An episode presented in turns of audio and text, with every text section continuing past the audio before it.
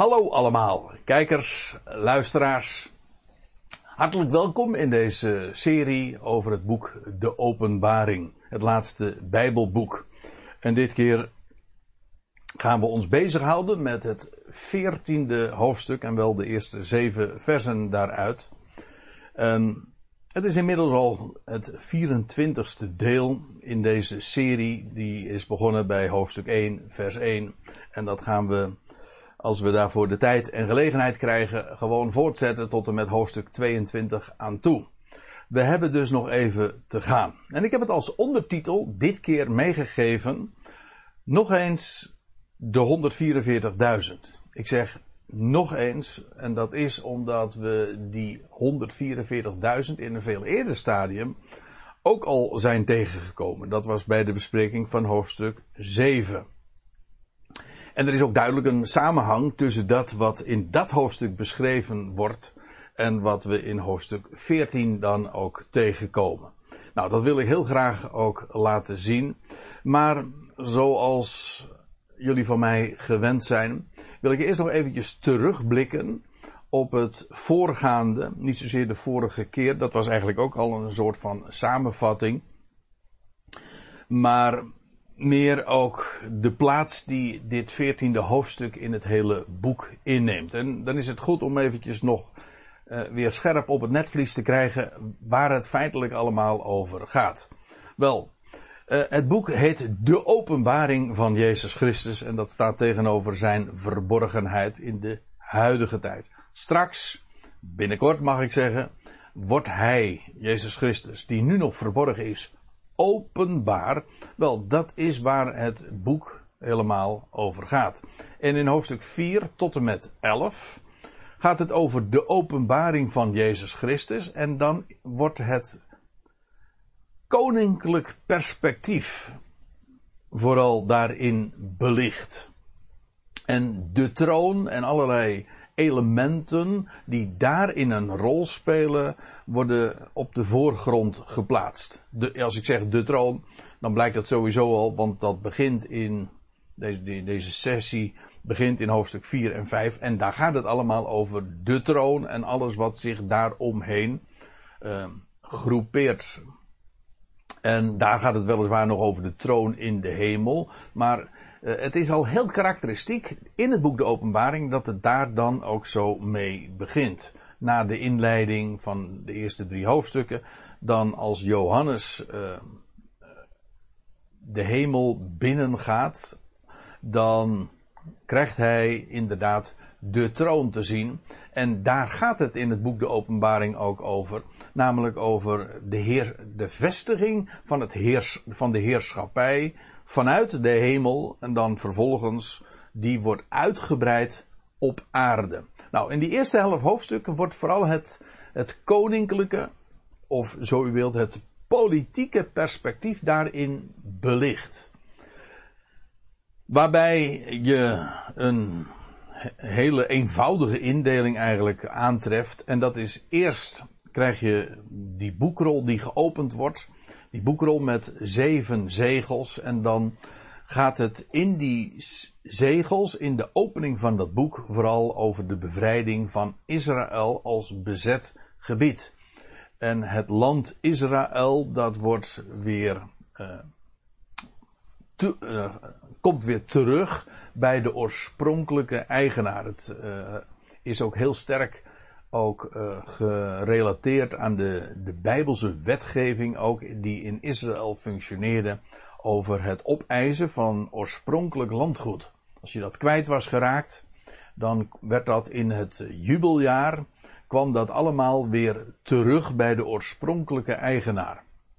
En kon ook teruggekocht worden. Wel, daarvan is uh, sprake in, dit, in het boek De Openbaring. Nou, het is even genoeg om nu vast te stellen. In die eerste, bij uh, die zeven zegels, neem me niet kwalijk, gaat het over de bevrijding van Israël als bezet gebied. Daar begint het koninkrijk, hier op aarde. En dan vervolgens krijg je, na de zeven zegels, krijg je de zeven bazuinen, die daar chronologisch ook heel uitdrukkelijk op volgen. En dan is het niet Israël dat in in de picture is, maar is het de volkerenwereld, de wereld daaromheen, dat ook bevrijd gaat worden. En dat zijn de, die, die bazuinen die dan klinken en de rampen die dat ook met zich mee gaat brengen. Wel, het is dus eigenlijk eerst Israël en vervolgens de volkerenwereld. Het koninkrijk wordt openbaar, Jezus Christus wordt openbaar voor Israël en tenslotte voor de hele wereld.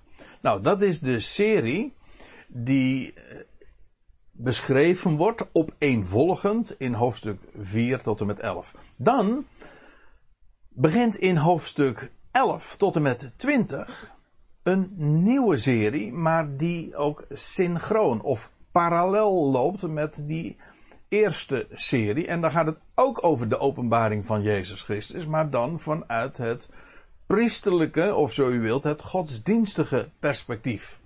Vandaar ook dat daarin vooral uh, allerlei priesterlijke attributen, maar ook de tempel en allerlei uh, elementen uit de tempeldienst een, een, grote rol spelen. De dienst aan God staat daarbij centraal. Net zo goed als dat er ook dikwijls verwezen wordt naar de dienst aan afgoden en alles wat uh, van de dienst aan God afwijkt.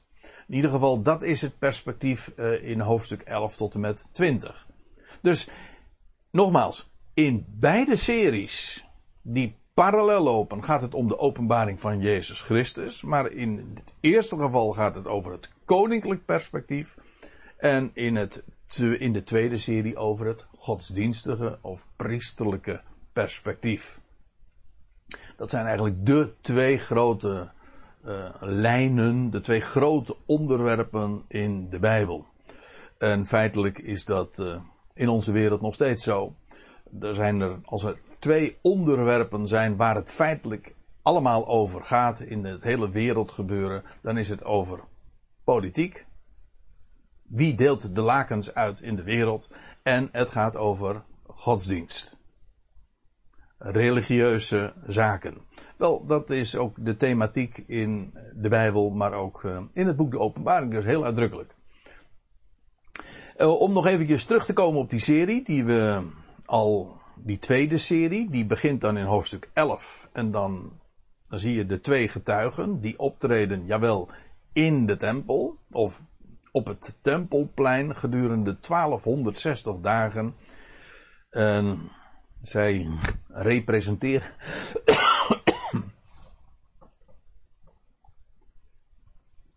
Sorry hoor. Inmiddels bent u natuurlijk van mij gewend dat ik nog wel eens een keer moet hoesten. Denk daar verder niks ernstig van. Het is hooguit irritant voor u als luisteraar of als kijker.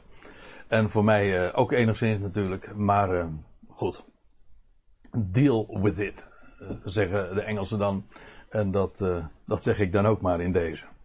Afijn, even terugkomend op die, die twee getuigen. Zij representeren ze komen in de geest van Mozes en Elia in een hele optreden, wordt dat duidelijk. Maar in ieder geval, zij opereren gedurende die 1260 dagen. Dan in hoofdstuk 12 gaat het ook weer over diezelfde periode. Dan wordt de vrouw een visioen gezien, een teken van de vrouw in de woestijn. En daarbij gaat het over Israël. Dat in de grote verdrukking, degenen die tijdig gevlucht zijn, een onderkomen zullen aantreffen in de woestijn. Een plaats van God bereid. Daar in de woestijn van Edom, als u het mij vraagt, Bos, nee, als u het niet mij vraagt, als het de Bijbel zegt, het is Bosra. En dat kon wel eens samenvallen, identiek zijn met uh, Petra, daar in, uh, ten zuiden van, uh, van het Joodse land. En dat is een onderduikadres waar zij dus uh, volledig veilig blijkt te zijn. Het is dezelfde periode die ook wordt beschreven in hoofdstuk 13. En dat waren de voorgaande keren dat we daar ons mee bezig hebben gehouden. En dat is uh, de beschrijving van dat beest dat uit de zee, uit de Volkerenzee komt. Dat is een, een rijk, een statenbond, een federatie van tien koningen in het Midden-Oosten met Babylon als hoofdstad. En ja, dan dat beest dat heeft verschillende koppen, maar het gaat vooral om die zesde kop. Nummer zes, jazeker. Die dan vermoord wordt, maar uh, toch weer terugkomt, uit de doden opstaat. En dan een enorme aanhang zal krijgen en de hele wereld zal zich compleet aan hem vergapen. En hij, ja, hij, die, die zesde kop, maar eigenlijk ook de achtste, om het eventjes uh, cryptisch te zeggen. Maar uh, ik ben helemaal in de lijn met uh, de wijze waarop ook het boek Openbaring dat formuleert. in ieder geval, om, om die kop gaat het vooral. En die zal godslasterlijk optreden. Hij zal ook een beeld krijgen op het tempelplein in Jeruzalem.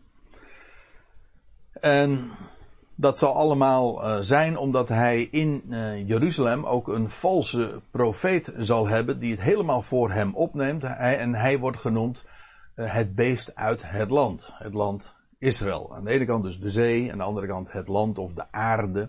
En dan gaat het specifiek over Israël. En zijn optreden daar is beperkt tot 42 maanden. Als het uh, specifiek gaat om in relatie tot, tot Israël. In werkelijkheid uh, is die, dat beest uh, na die 42 maanden nog niet aan het einde van zijn heerschappij. Dat moet nog afgenomen worden. Maar wel als het gaat om zijn, zijn, zijn zeggings, zijn, nee, hoe, hoe zeg je dat? Zijn, de macht die hij oefent in het land die is heel duidelijk ook beperkt. En beperkt is ook zijn, zijn macht in, in Jeruzalem. En dat wordt gemarkeerd door die 42 maanden. Nou, hoofdstuk 11, hoofdstuk 12, hoofdstuk 13 gaat dus over die, die fase waarin het vooral de focus ligt op, op Israël. En vandaar ook die 3,5 jaar. 1260 dagen, tijd, tijden en halve tijd. Het gaat allemaal over diezelfde periode. Nou, nu zijn we dus aangekomen bij hoofdstuk 14 en 15. Die twee hoofdstukken die, die horen bij elkaar. En dat valt qua tijd samen met het zevende zegel. Want ik zei al, je hebt twee series. En die lopen synchroon. Nou, deze tweede serie. Die, uh, die kun je ook uh, dus heel duidelijk leggen naast die eerste serie. Die 42 maanden, die vallen allemaal in die periode van de zegels. Van die zeven zegels.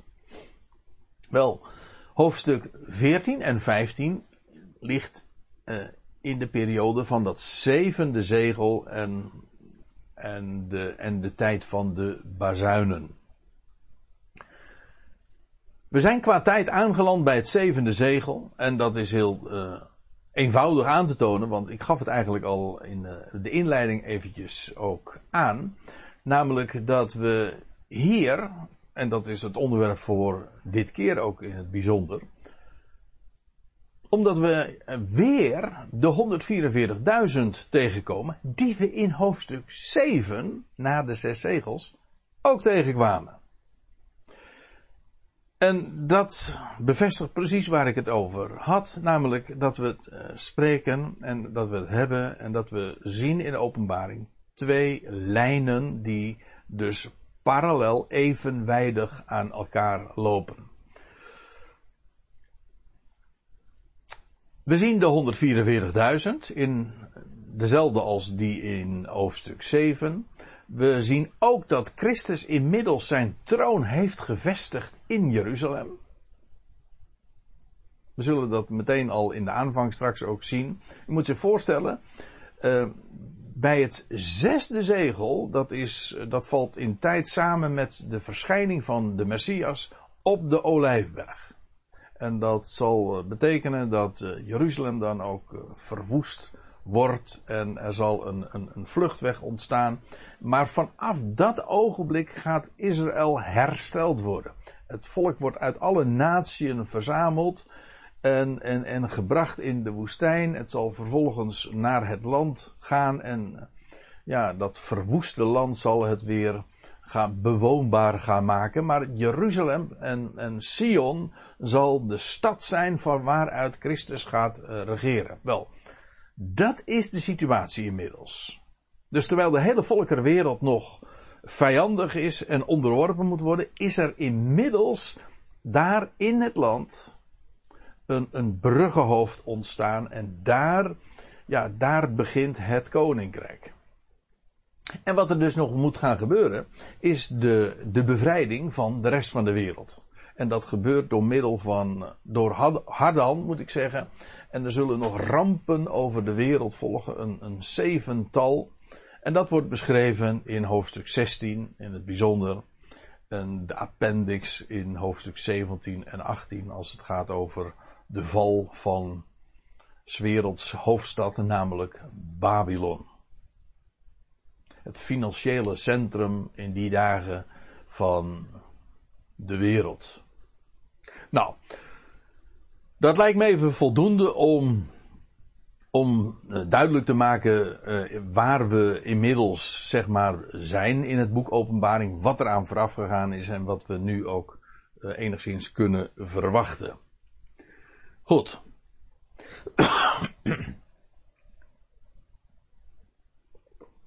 Dan start het met en ik nam waar. Johannes die signaleert, die geeft zijn ogen en oren de kost.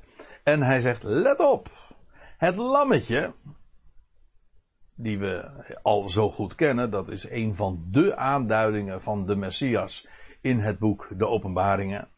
De Openbaring en uh, dat lammetje, voor het eerst kwamen we hem tegen in hoofdstuk in hoofdstuk 5, het lammetje.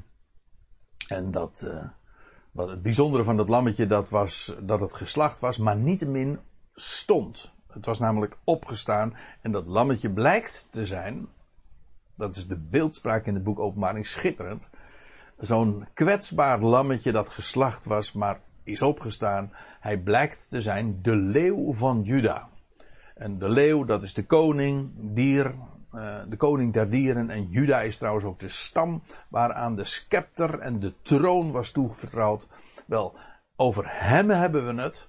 Hij is de rechthebber op de troon. En vandaar ook, hier uh, zien we hem, uh, dat lammetje dat staat, ja waar, nu niet in de hemel, maar hier op aarde. En wel op de berg of eventueel het gebergte Zion. Nou, dat is waar we ook wezen moeten, want als er iets is wat we weten van het koninkrijk van God, is dat daar het koninkrijk zal worden gevestigd en van daaruit zal het ook op de hele wereld, eh, over de hele wereld zich gaan manifesteren. Jeruzalem, de stad, zoals dat in de bergreden genoemd wordt, de stad van de grote koning. Het is de stad de, uh, die berg Sion, of het gebergte van Zion, uh, dat laat ik nu even in het midden. Want er is inderdaad nog één specifieke berg, uh, Zion. Het is de, de berg die God zich verkoren heeft om van daaruit zijn koninkrijk te vestigen. Ja, en daar zijn zo enorm veel bijbelse referenties die je in dit geval ook uh, kunt opvoeren. Maar laat ik me beperken tot twee voorbeelden uit het boek De Psalmen. In Psalm 78. daar lezen we. Hij, en dan gaat het over God zelf. Hij verkoos de stam van Juda. De Juda, aan wie de scepter was toevertrouwd. De koninklijke stam. Hij verkoos de stam van Juda, de berg Sion, die hij lief heeft. En hij bouwde zijn heiligdom als de hoogste bergen. Als de, het is uh, ook in moreel opzicht. Je zou zelfs kunnen verdedigen dat het uh, in fysiek opzicht nog een, een hoge berg gaat worden. Nou, dat laat ik uh, maar eventjes nu in het midden. Maar in ieder geval, moreel, het is de hoogste berg. De, het staat aan de top zoals God dat uh, in hiërarchisch opzicht uh, neerzet. Voor hem is dat de hoogste berg. En, en daar bouwt hij ook zijn heiligdom als de hoogste bergen, als de aarde die hij voor de Aion grondvestte. Voor, voor, of Ionisch grondvesten. Dat wil zeggen, die, uh, die berg Sion, die heeft hij, uh, dat, dat is die berg die hij lief heeft, waar, waar zijn hart naar uitgaat. Daar heeft hij zijn oog op laten vallen. En zoals de aarde gegrondvest is, zo is die berg ook gegrondvest. En dan wordt er nog aan toegevoegd, hij verkoos David, zijn knecht. En ook zijn zaad. Het gaat om het, om het huis van David. De dynastie van David, daar heeft God zijn belofte aan verbonden. En als hij zijn koninkrijk op aarde gaat vestigen, dan doet hij dat in Zion, in Jeruzalem, Heel letterlijk. En hij doet dat ook via een telg uit het huis van David. Vandaar ook dat de Messias dus per definitie een nakomeling zou zijn van David. En dat is ook precies waarom het Nieuwe Testament heel triomfantelijk begint met een geslachtsregister. Om maar aan te geven dat zowel via de, de mannelijke als de vrouwelijke lijn, Jozef en Maria, uh, die zijn terug te voeren tot aartsvader David. Zodat Jezus Christus genealogisch vanuit zijn geslachtsregister dus aanspraak kan en mag maken. De enige zelfs die uh, daar aanspraak op kan en mag maken op de troon van David. Nou, dat is Psalm 78. Ik wilde nog wel een voorbeeld geven. Uit de velen met wie, waarmee dat nog zou, zou kunnen worden uitgebreid. Uh, daar staat in Psalm 132 dit. Want Yahweh heeft Sion verkoren, uitgekozen. Hij heeft het zich ter woning begeerd. Dat is de plaats waar hij woont. Dat is de plaats waar hij regeert. Het is in feite ook een koninklijke, priesterlijke uh, plek. Het is namelijk de plaats waar de koning woont, maar ook de plaats waar uh, de priester uh, woont en zijn arbeid, ver, zijn arbeid verricht. Oh, heel opmerkelijk trouwens dat we in Genesis 14 komen we een Melchizedek tegen. Een heel mysterieus figuur. Maar van hem lezen we dat hij koning-priester was. Zowel koning als ook priester. En hij woonde in Salem. Het latere Jeruzalem. Nou ja, dat uh, werpt meteen ook licht op, op wie die Melchizedek is en, en waar hij naar verwijst. In ieder geval uh, ook de locatie waar hij uh, zich bevond, koning, priester was, wel dat, dat is, uh, heeft dus al hele oude papieren. Maar bovendien, het is niet alleen maar van oudsher al dat God zijn oog daarop heeft laten vallen.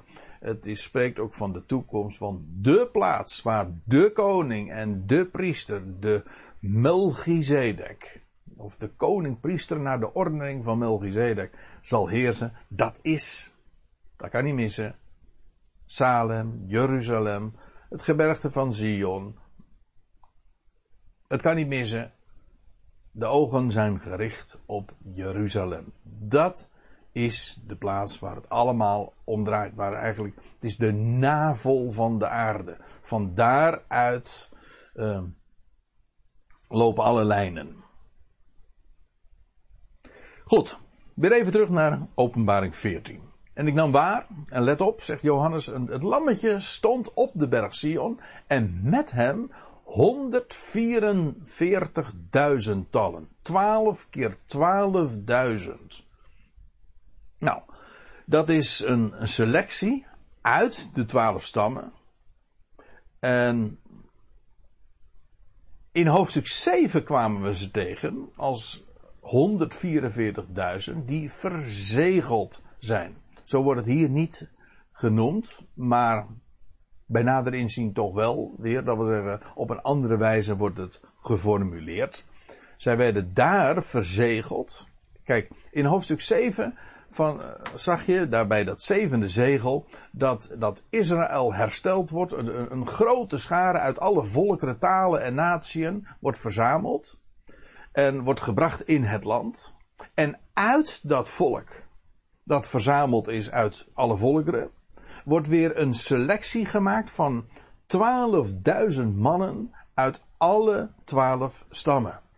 En die worden verzegeld. Waarom? Wel om ze te beveiligen voor de rampen die nog over de, over de rest van de wereld gaan. Wat trouwens al aangeeft dat ze die 144.000 niet in het land blijven, maar naar, naar buiten gaan. Naar het buitenland gaan en in de wereld nog een missie hebben te vervullen. En wel de prediking van het koninkrijk. Maar dat betekent dat ze uh, beveiligd moeten worden om het te overleven. Hen zal niets treffen. Dat wordt ook in hoofdstuk 7, vers 3 heel uitdrukkelijk gezegd. Dus die 144.000, dat zijn, uh, ja, ze representeren de 12. Het is ook een, een gros, 12 maal 12. En zij zijn het die Israël representeren. Het koninklijke volk. Het koninklijk priesterlijk volk. Dat zich, dat zal worden gerepresenteerd. Het zijn eigenlijk 144.000 ambassadeurs die de koning wereldwijd gaan presenteren. En hen zal uh, niets kunnen treffen, niets van de rampen die nog over de aarde zullen gaan. Het zijn 144.000 tallen uh, die zijn naam namelijk de naam van het lammetje, en de naam van zijn vader, van God, de vader, bij hun ogen hebben geschreven staan. Eh, bij hun ogen, dat is denk ik een wat letterlijker en ook treffender uh, weergave. In de, uh, ik ben er bij een, een, een, vorige keer al even op ingegaan, dat er in de dat het doorgaans wordt vertaald met voorhoofd, maar in het Grieks zie je dat het eigenlijk iets te maken heeft met de ogen. En nou ja, het voorhoofd is natuurlijk ook bij de ogen. Maar uh, ik uh, geef de voorkeur aan om het gewoon zo letterlijk mogelijk weer te geven. Dus die naam van, van het lammetje en van de vader, en van zijn vader, van God de vader, die is bij hun ogen geschreven. Nou, eh, het, het ligt er hier nogal dik bovenop dat het om een contrast gaat met hen die de naam van het beest ook dragen bij hun, op hun voorhoofd, hè, of bij hun ogen. Een paar versen hieraan voorafgaand, in hoofdstuk 13, vers 16, werd dat nog beschreven. Over degene die, die, uh, die niet uh, het beest, of de naam van dat beest, uh, of, en het teken daarvan willen dragen, die krijgen geen teken bij hun oog of op hun rechterhand. En wel, degenen die dat niet doen, die zijn uitgesloten van het uh, hele economische verkeer, en kunnen niet kopen en verkopen. En, wel, over hen gaat het hier ook, of in ieder geval een selectie uit hen, want zij hebben inderdaad niet uh, de naam van het beest, Nee, zij hebben de naam van het lammetje. En de naam van zijn vader bij hun ogen geschreven staan. Dat hoeft niet per se een zichtbaar teken te zijn. Maar het geeft eh, aan dat hun focus, hun ogen niet gericht zijn op dat beest. Daar staren ze zich niet op blind. Nee, zij hebben de naam, de naam van het lammetje en de naam van zijn vader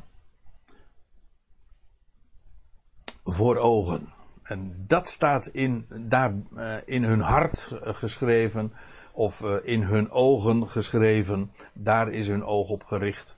En of het ook een, een, een zichtbaar teken is, dat, uh, dat zou kunnen, maar ik zie niet direct aanleiding om dat aan te nemen. Trouwens, dat geldt ook al bij dat teken van dat, van dat beest. Dat is ook nog maar zeer de vraag of dat een zichtbaar teken is.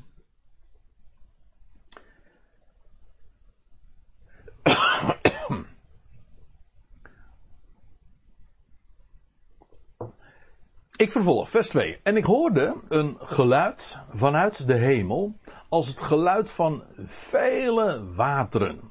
Je hoort het eh, als je even probeert in te leven in het gezicht, in het visioen dat Johannes hier waarneemt, dan, dan, kun je het je voorstellen, een, een, een, een, een oorverdovend uh, geluid van vele wateren dat hij dan hoort. Het is hemels. Van daaruit komt het geluid. En hij formuleert het uh, op een nog een andere wijze. Het is het geluid van vele wateren. En als het geluid van een grote donderslag. Het is geen grote donderslag, maar het, het klinkt als. En uh, ook dat onderstreept dat het inderdaad een enorm lawaai is wat hij hoort. En wat zo opmerkelijk is, is dat hij het hoort als het geluid van vele wateren. Vervolgens als het geluid van een grote donderslag. En het geluid dat ik hoorde, zegt, vervolgt Johannes dan, was als harpspelende zangers op hun harpen. Nou, dat is een heel opmerkelijk contrast. Weet je ook niet?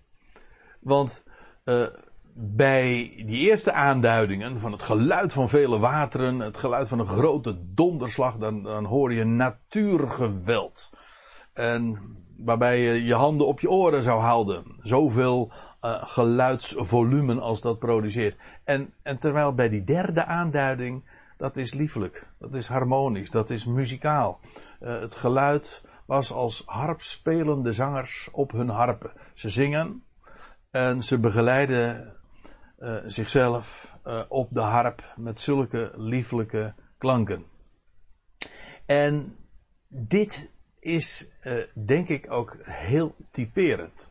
Want hoe donderend dat geluid in eerste instantie ook lijkt en is, het blijkt toch lieflijk en, en, en muzikaal en harmonisch te zijn. zoals je dat bij een harp in het bijzonder toch ook wel uh, herkent. Er zijn allerlei instrumenten die uh, getypeerd kunnen door, worden door van alles en nog wat. Maar als er iets is wat liefelijk klinkt, dan is het wel het geluid van, van, van een zieter of van een harp. Wel, wat Johannes hoort, dat is inderdaad oorverdovend. Het is donderend. En toch, het blijkt liefelijk te zijn. En dat is zo omdat het ook de boodschap typeert van die 144.000 die uh, in vers 1 waren ingevoerd, eerst waren beschreven. Want wat die 144.000 gaan doen, dat is inderdaad, dat ligt er niet om. Dat zal uh, met enorm veel kabaal gepaard gaan. Ik bedoel niet alleen de rampen die ze aankondigen, maar ook de waarschuwingen die zij zullen laten klinken. Dat is geen liefelijke boodschap van louter genade, zoals in onze dagen gepredikt wordt, in de dagen van de verborgenheid, maar straks, als het koninkrijk gevestigd wordt, ja, dan, dan, dan zijn we toch echt in een heel nieuw hoofdstuk aangeland. En dan wordt het uh, verhaal ook heel anders. Dan zijn er heel andere dingen aan de orde. En je moet die dingen ook niet vermengen. Je moet de tijden ook onderscheiden. Wat nu gepast is en wat nu ter zake is, dat zal straks niet langer aan de orde zijn. Er is voor alles onder de hemel, zegt de, de prediker, is er een bestemde tijd. Er is een tijd om te lachen en er is een tijd om te huilen en er is een tijd om, uh, om kapot te maken en er is een tijd om op te bouwen. Voor alles is een, een, een bestemde tijd. Wel, de boodschap die vandaag klinkt, van de verborgenheid en van de genade Gods, wel, dat is niet de boodschap die straks zal klinken. Ik zeg niet dat er geen, uh, geen overlap is, maar het is dan toch een hele andere situatie. Namelijk de tijd van de openbaring van het koninkrijk. En die 144.000 die zullen dus een boodschap prediken, inderdaad van het geluid van vele wateren als een grote donderslag, veel uh, uh, kabaal, heel alarmerend zal het uh, klinken en tegelijkertijd is het zo liefelijk. Want wat ze gaan aankondigen is een geweldige nieuwe tijd die aan de horizon ligt. En, namelijk een nieuwe aion Een wereld van vrede en gerechtigheid. Vergis je niet.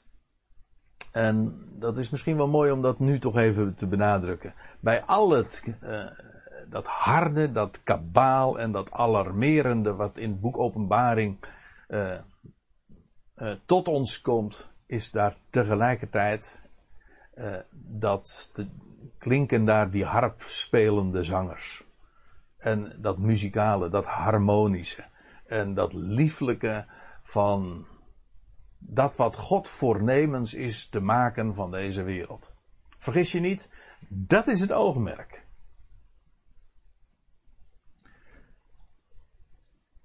En dan staat er, uh, zij zongen, en dat zijn die, uh, die 144.000, een, een nieuw lied in het zicht van de troon. Ja, ze zingen een nieuw lied. We zullen dat uh, de volgende keer, of de keer daarop, uh, in hoofdstuk 15, ook zien over het lied van Mozes. Dan zal, we, zal, ik daar nog wat meer over vertellen. Maar hier wordt ook al een nieuw lied. Er is een nieuwe fase aangeland. En daar is uh, reden ook om, om een nieuw lied, ook een nieuwe, nieuwe tekst daarvoor te zingen. En dat is wat zij doen. Zij zongen een nieuw lied.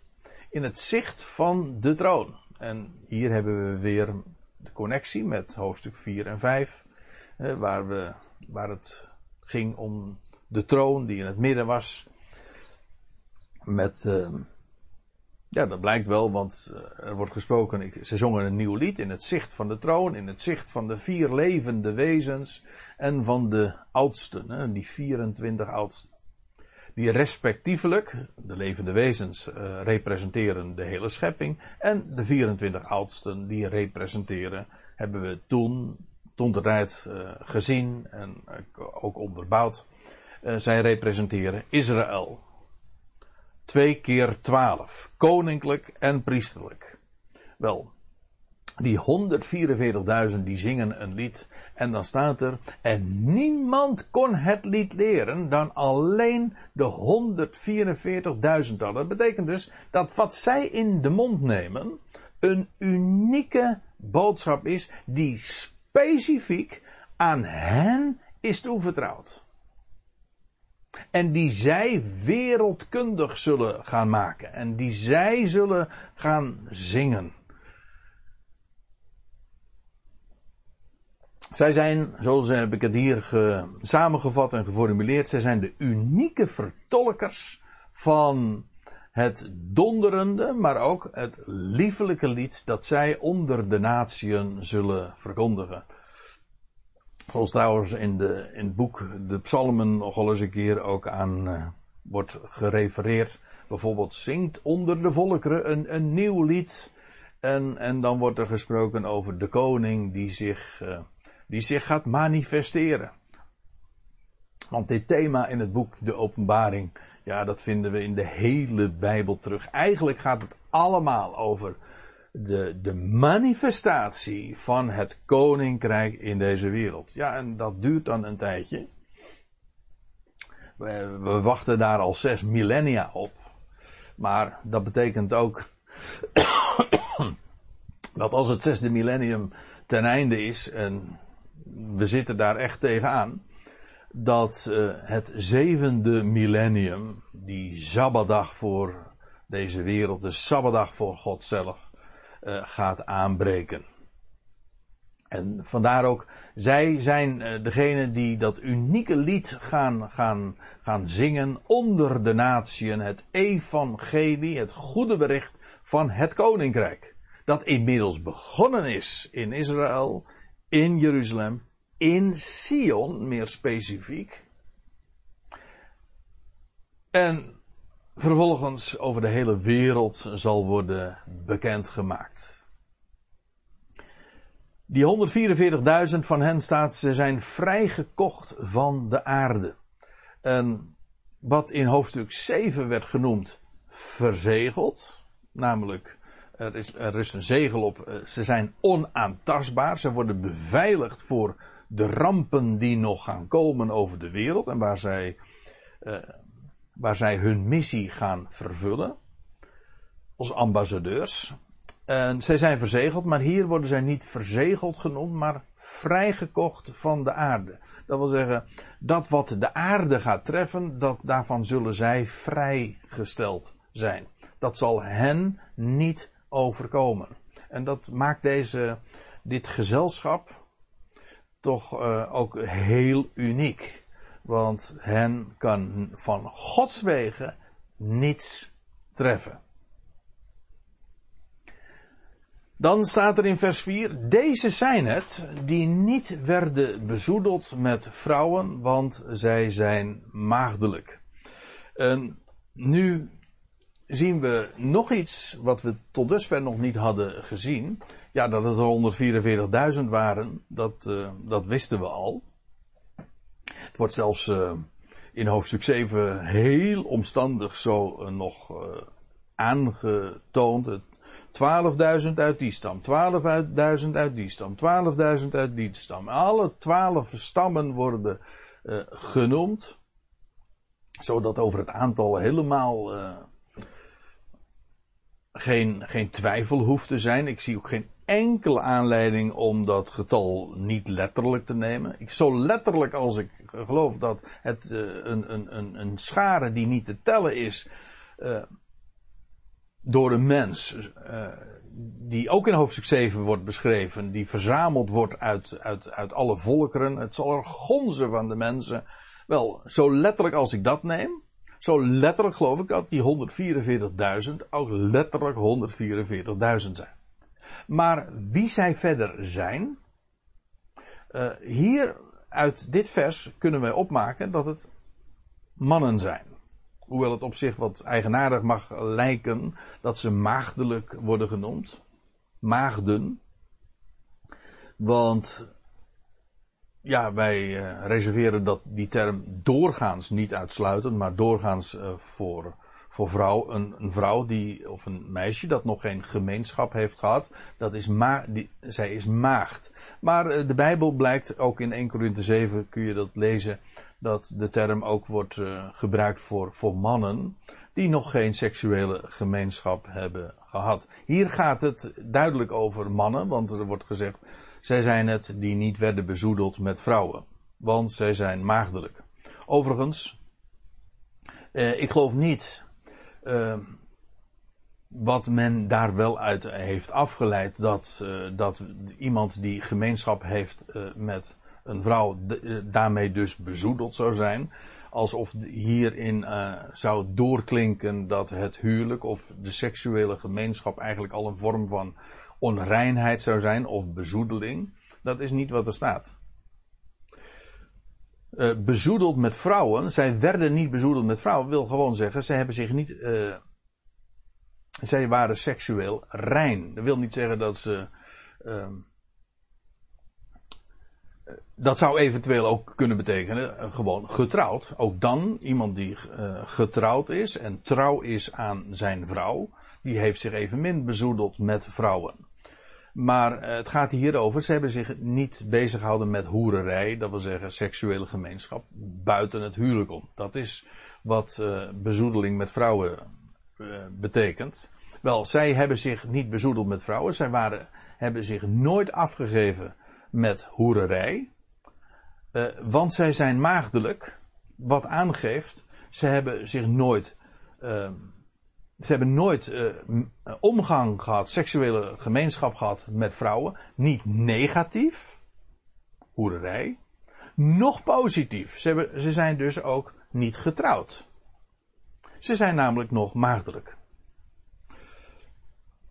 Dus er zit hier helemaal niets in van, van diverse stromingen die aan seksuele gemeenschap, uh, die denk, dat koppelen met, uh, met onreinheid, dat is absoluut geen bijbelse gedachte. Want seksuele gemeenschap is juist uh, ja, door God zelf ontworpen. En, en zo mooi gemaakt. Dus dat is, is geen enkele bijbels argument om, om, om seksualiteit te koppelen aan onreinheid. Onreinheid, dat is uh, seksuele gemeenschap buiten het huwelijk, buiten trouw om. Dat is iets heel anders. Dat is bezoedelen met, uh, met uh, vrouwen. Hoererij dus. Maar goed, eventjes weer terug naar deze 144.000. Ze zijn, ze hebben zich niet bezoedeld met vrouwen, ze zijn maagdelijk. En als u het mij vraagt, dat betekent gewoon, het zijn jonge mannen die nog helemaal nog aan het begin van hun leven zijn en die nog uh, seksueel onbesproken zijn.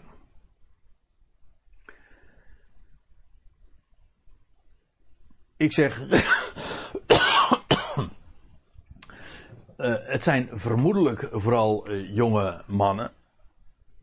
want strikt genomen zou je natuurlijk kunnen verdedigen dat het hier ook om om oudere mannen zou kunnen gaan. Uh, dat is zo. Maar het loutere feit uh, dat ze hier op deze wijze worden uh, beschreven. Er is in de Bijbel, laat ik het zo zeggen. Er is in de Bijbel helemaal geen aanmoediging om ongetrouwd te blijven. Tenzij daar een hele specifieke reden voor is. En we kennen er een. Die kennen we maar al te goed. Dat is degene namelijk die uh, van Gods wegen naar de natieën werd gezonden. De apostel voor onze tijd, namelijk de apostel Paulus. En die, hij was ook uh, ongetrouwd. Of hij nooit getrouwd geweest is, is nog een vraag apart. Maar in ieder geval, hij was gedurende de tijd dat wij hem kennen, vanuit zijn brieven, ongetrouwd. En ja, waarom? Wel, om zich voluit bezig te kunnen houden uh, met de, de prediking van het evangelie. En ik denk dat dat hier ook aan de orde is. Deze, deze mannen, die zijn maagdelijk omdat ze... Nou, laat ik het eventjes doorlezen, want er wordt nog aan, aan toegevoegd. Deze zijn het die het lammetje volgen waar het ook heen gaat. Kijk, zij zien af van het huwelijk. Waarom? Nou, u moet zich. Twee dingen. In de eerste plaats, er is een tijd uh, nu voor hen ten einde die van de grote verdrukking. Er, is een, uh, er zijn drieënhalf jaar uh, voorbij gegaan van een afschuwelijke verdrukking. En in die tijd was het natuurlijk nou niet echt opportun om, om, om te gaan trouwen. Uh, dat is uh, nogal logisch in zo'n tijd waarin, uh, waarin zoveel gaande is, waarin zoveel beperkingen zijn. Dat is nou niet een tijd om eens romantisch te gaan uitkijken naar, naar, naar een, een, levenspartner. Daar, is die, daar was die tijd te heftig voor. Dat is één ding. En een ander ding is dat die, dat zij gereserveerd zijn om in de wereld te gaan prediken. En ook dat is een reden om af te zien van het huwelijk. Want ja, als zij dan vervolgens uh, erop uitgestuurd worden, dan is het niet handig om ook uh, getrouwd te zijn en huwelijkse en gezinsverplichtingen te hebben. Vandaar ook, zij hebben, zij zien af van het huwelijk. Waarom? Om voluit te gaan voor het, voor het evangelie van het koninkrijk, wat zij in de wereld gaan prediken. En daarom uh, staat er hier ook, ze, ze, ze volgen het lammetje waar het ook heen gaat. Zij gaan helemaal voor hem en ze zien af van de aardse geneugden en zien in ieder geval tijdelijk af. Het zou kunnen dat ze naderhand alsnog zullen trouwen. Maar gedurende deze tijd zijn ze ongetrouwd en ook nog maagdelijk. En uit, uit dat uh, oogpunt uh, concludeer ik dat het vooral inderdaad om jonge, sterke mannen gaat die nog uh, die opgewassen zijn, vitaal, om, om in de wereld de boodschap te gaan prediken. wat uit hun hele opstelling blijkt is dat zij voluit inderdaad de ogen hebben gericht. Hè. Vandaar ook de naam staat bij hun ogen ge, geschreven. Op God, op het lammetje, op het koninkrijk dat geopenbaard gaat worden. En vandaar uh, dat er even voor hen geen huwelijkspartner uh, is. En dat zij daar ook voor uh, van hebben afgezien. Zij zijn het die het lammetje volgen, waar het ook heen gaat. En deze werden gekocht, staat er, van de mensen als eerste vrucht van de oogst. Voor God en het lammetje. Kijk, in feite, waar we het over hebben, is het de crème de la crème. Want Israël is het eerste volk uh, in de openbaring van het koninkrijk.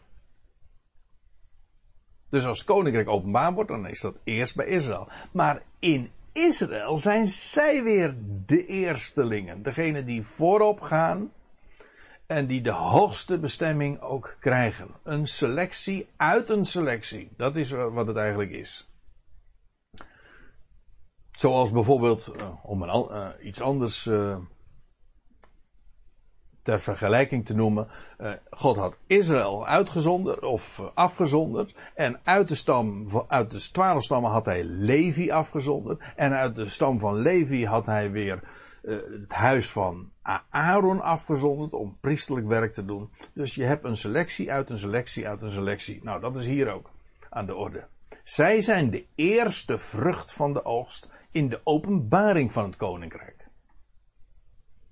Ik zeg dat er even expres bij. Ik heb het ook uh, met opzet even vet gedrukt. Waarom?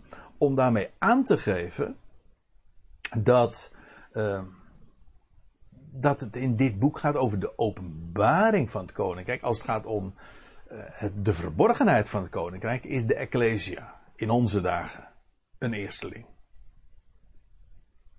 de positie van de Ecclesia, het lichaam van Christus, ja, dat is boven alles verheven. Zij deelt ook als eerste in de, in de heerlijkheid van de opgewekte Christus. Dat zijn wij. Ja, dat is, dat is ongekend. Wij zijn, om het eventjes toch met de terminologie van openbaring 12 te zeggen, wij zijn en maken deel uit van die mannelijke zoon. Een hemelse bestemming. En ja, wij maken deel uit van, van, van zijn lichaam zelf. Maar als het gaat om de openbaring van het koninkrijk hier op aarde, ja, daarin is Israël een eersteling en zij zijn, die 144.000, weer een, een selectie, uh, het hoogste deel uh, van dat volk. Zij werden gekocht van de mensen als eerste vrucht, als eerstelingen voor God en het lammetje. En in hun mond, vers 5, werd geen leugen gevonden. Ze zijn smetteloos. Deze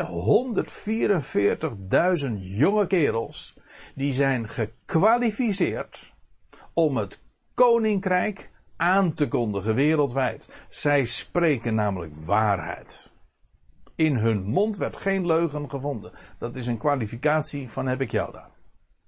Want als er iets is in deze wereld wat zeldzaam is, dan is er wel waarheid. En waarachtigheid. Maar deze 144.000, in hun mond werd geen leugen gevonden. En daarom zijn zij zo geschikt om wereldwijd de waarheid van het koninkrijk te gaan prediken. En dat maakt hen ook smetteloos. Ik lees verder en ik nam een andere boodschapper waar vliegend in het midden van de hemel. Die uitdrukking kwamen we al een keer eerder tegen in hoofdstuk 8. Daar ging het om een arend. En daar ging het trouwens ook om een negatieve boodschap. Over, uh, over rampen die, uh, die zich aankondigden. Maar hier. hier is het. Uh,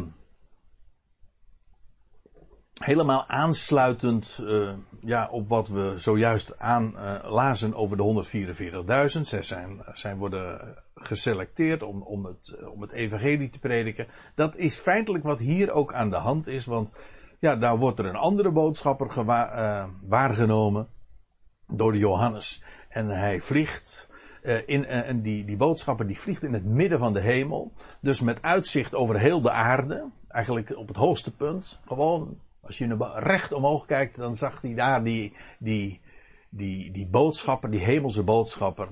En ja, wat zij, uh, wat die, bo die boodschapper dan symboliseert is precies wat die 144.000 gaan doen. Namelijk, die gaan uh, over heel de aarde uh, de boodschap prediken. En die boodschap zal, zal zich verspreiden, zal vliegen over de hele aarde. En ik,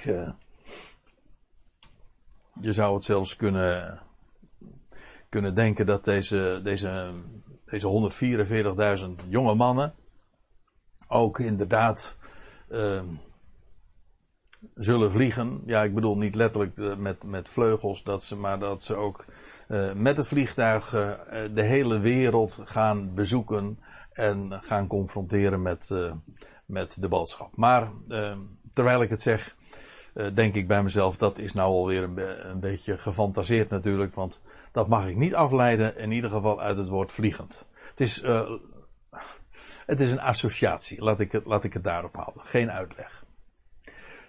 Um, die boodschapper, uh, die Johannes dan waarneemt, die had, staat er, een eeuwig evangelie te evangeliseren. Zo staat het er in het Grieks.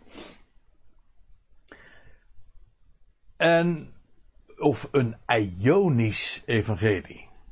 Eeuwig, ik heb het expres uh, fout opgeschreven. Dat wil zeggen, zoals we dat niet gewend zijn in het Nederlands te doen. Met een streepje tussen eeuw en, uh, en dat ich. Waarom? Om daarmee aan te geven dat eeuwig aan, uh, verband houdt met eeuw. Wij denken bij eeuwig al heel gauw en gemakkelijk aan, aan eeuwigheid. Dat is wat je eigenlijk, als je de Bijbel wil leren kennen, moet je dat vergeten. Dat idee kan gewoon rechtstreeks in de, in de brullenbak. Uh, de Bijbel spreekt over eeuwig als betrekking hebben niet op eeuwigheid, maar op eeuw en eeuwen. Wel, hier gaat het over een goed bericht, evangelie, dat geëvangeliseerd wordt, dus dat gebracht wordt, verkondigd wordt, met betrekking tot de toekomende eeuw. Dat is een, eh, een, een uitdrukking die we nog eens in de Bijbel aantreffen. En dan gaat het over de, die aion, dat wereldtijdperk van het koninkrijk. Dus, ja, wat hier, uh, waar we hier zijn, we zijn aan het einde van de huidige boze aion aangekomen. En de nieuwe komende aion, ja, die staat op het punt aan te, aan te breken. Wel, en de boodschap die nu door deze 144.000 gepredikt gaat worden, wel dat is het evangelie, het goede bericht met betrekking tot die aion.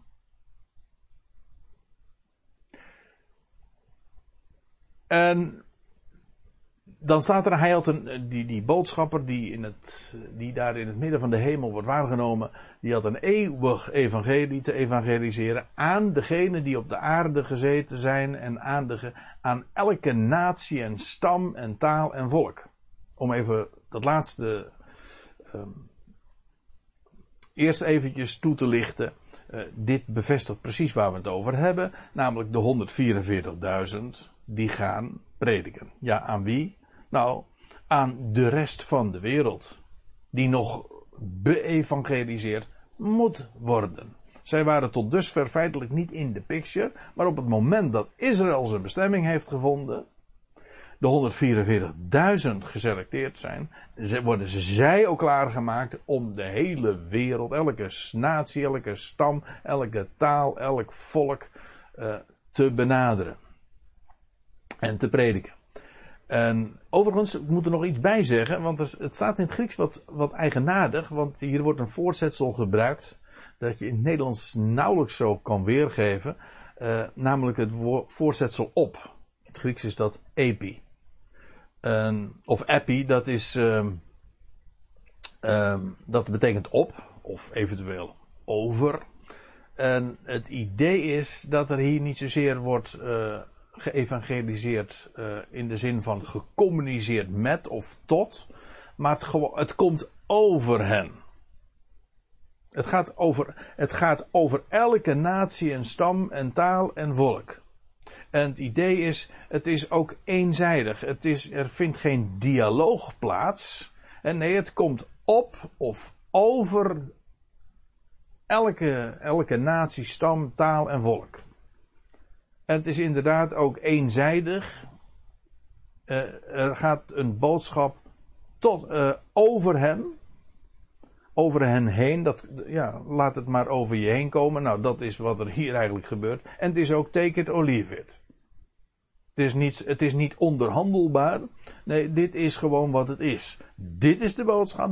Dit is de mededeling. Dit is het goede bericht. Ja, het is evangelie. Weliswaar van een andere.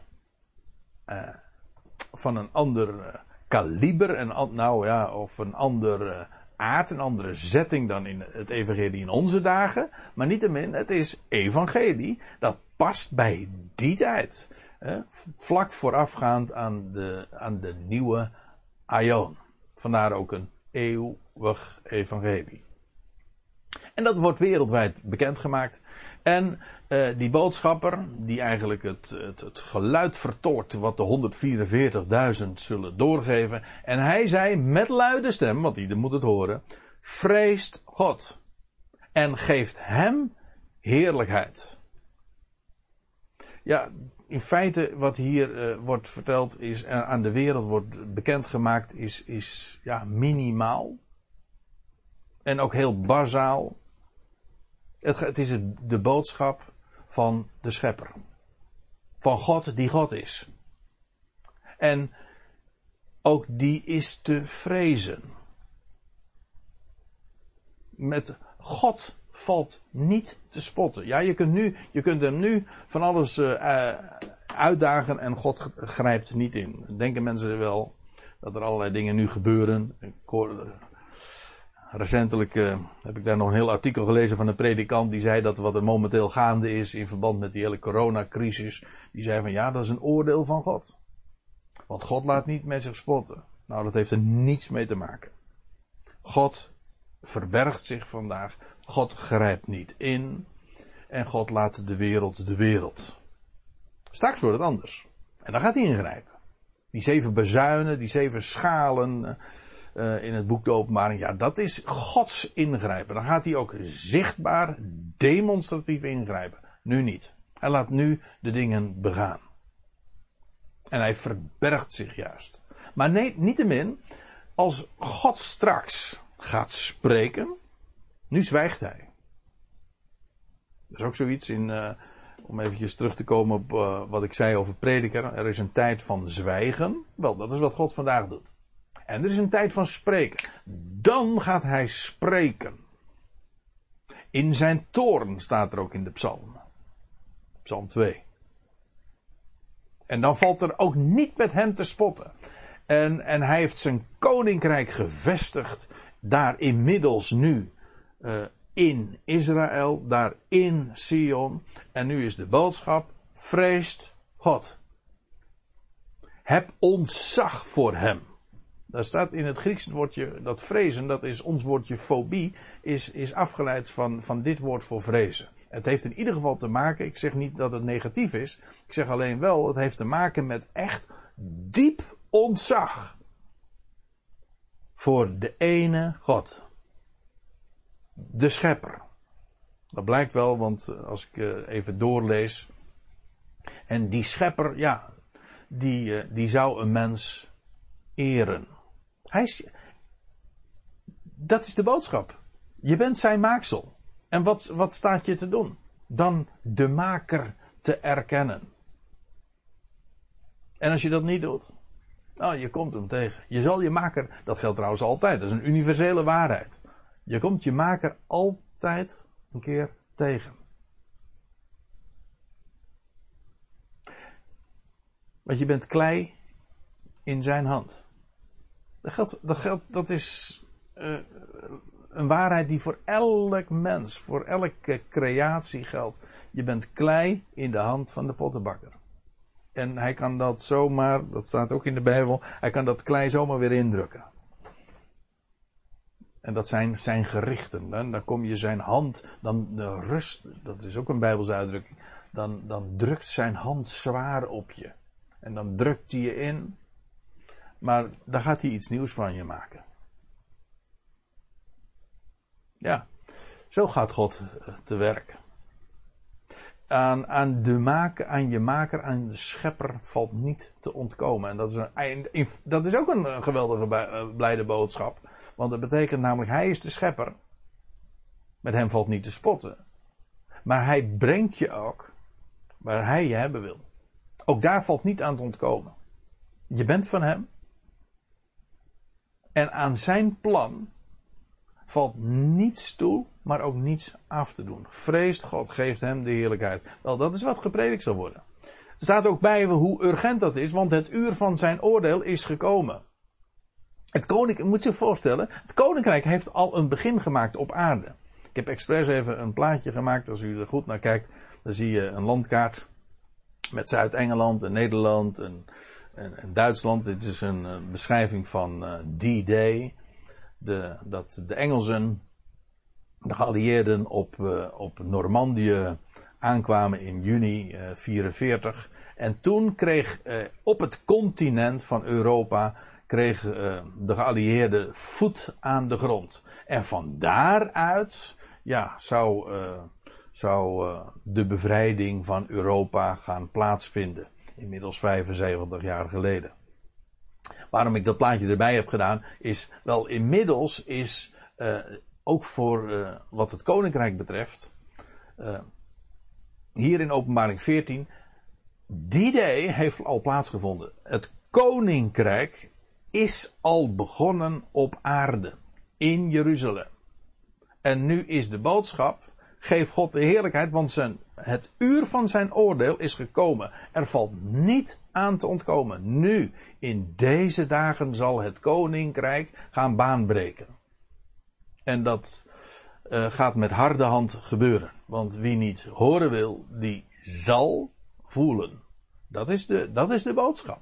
En daarom ook vreest God. Daar kun je gerust ontzag voor hebben. En aanbid hem die de hemel maakte en de aarde en de zee en de waterbronnen. Kijk, uh, als we even doorlezen trouwens in, in dit, uh, in het boek, in openbaring 16, trouwens in het voorgaande ook al, dan zie je ook dat, dat, dat God zelf uh, en de hemel en de hemellichamen, maar ook de aarde en de zee en de, en, en, en de waterbronnen gaat aantasten. Waarom? Dat is zijn schepping. En hij is de schepper. En hij gaat die schepping ook aantasten, juist om zijn schepselen eraan te herinneren dat het allemaal van hem is. En er zal, zullen ongetwijfeld dan ook wel weer mensen zijn. Nou ja, in ieder geval die zijn er vandaag.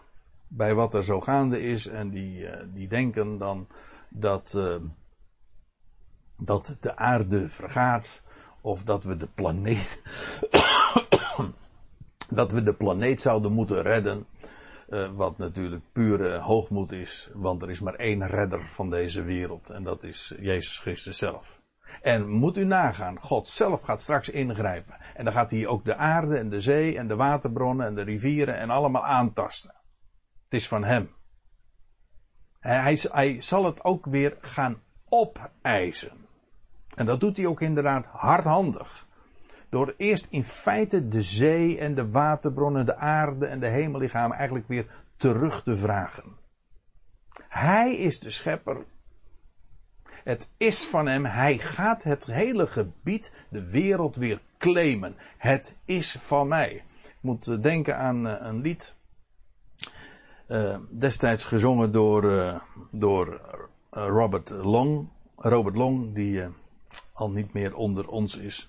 En waarvan ik trouwens weet dat hij ook niets moest hebben van de boodschap die hij bezong. Maar er was een prachtig lied. Het is geloof ik oorspronkelijk niet van hem. The Last Seven Days.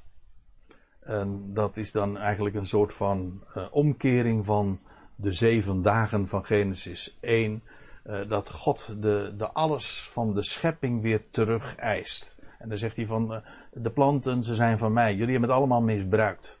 En, uh, en jullie hebben mij niet gekend. En dan neemt hij het licht weg van de hemellichamen. En dan neemt hij de zee weer terug. En alles wat hij gemaakt heeft, dat pakt hij weer terug. elke dag neemt hij iets anders terug en dan uiteindelijk zwijgt hij. Heel indrukwekkend. En uh, de Bijbelse gedachte uh, die daarin vertolkt wordt, uh, niet helemaal, maar in ieder geval, het maakt indruk omdat je ziet, het is de schepper zelf die, die aanspraak maakt op dat wat hij gemaakt heeft. En er valt niet met hem te spotten. En hij is het die het allemaal weer, weer, weer, ja, weer gaat terugbrengen. En dan moet ik erbij zeggen dat juist die zeven dagen die in Genesis 1 al, uh, die we in Genesis 1 al zien, is in feite een blauwdruk van, van het hele plan dat hij uh, in millennia aan het uitvoeren is. En dat zal eindigen in de grote Sabbatdag. Ja. In feite is het zo dat al het getop van de mens gedurende zes millennia, dat zal dan worden beëindigd en dan zegt God, en nu is het mijn dag. En nu ga ik rusten in mijn schepping. Wel, dat is wat er aan het einde van die zesde dag, van dat zesde millennium, allemaal gaat gebeuren. Nou, uh, ik geloof dat ik het uh, hier maar eens bij ga want ik zie dat we inmiddels 70 minuten uh, bezig zijn met, met deze zeven versen. En dat betekent dat we een volgende keer de draad op gaan pakken bij vers 8 van hoofdstuk 14. Voor nu zou ik zeggen, hartelijk dank voor je aandacht en attentie. En ik zou zeggen, God zegen allemaal en tot een volgende keer.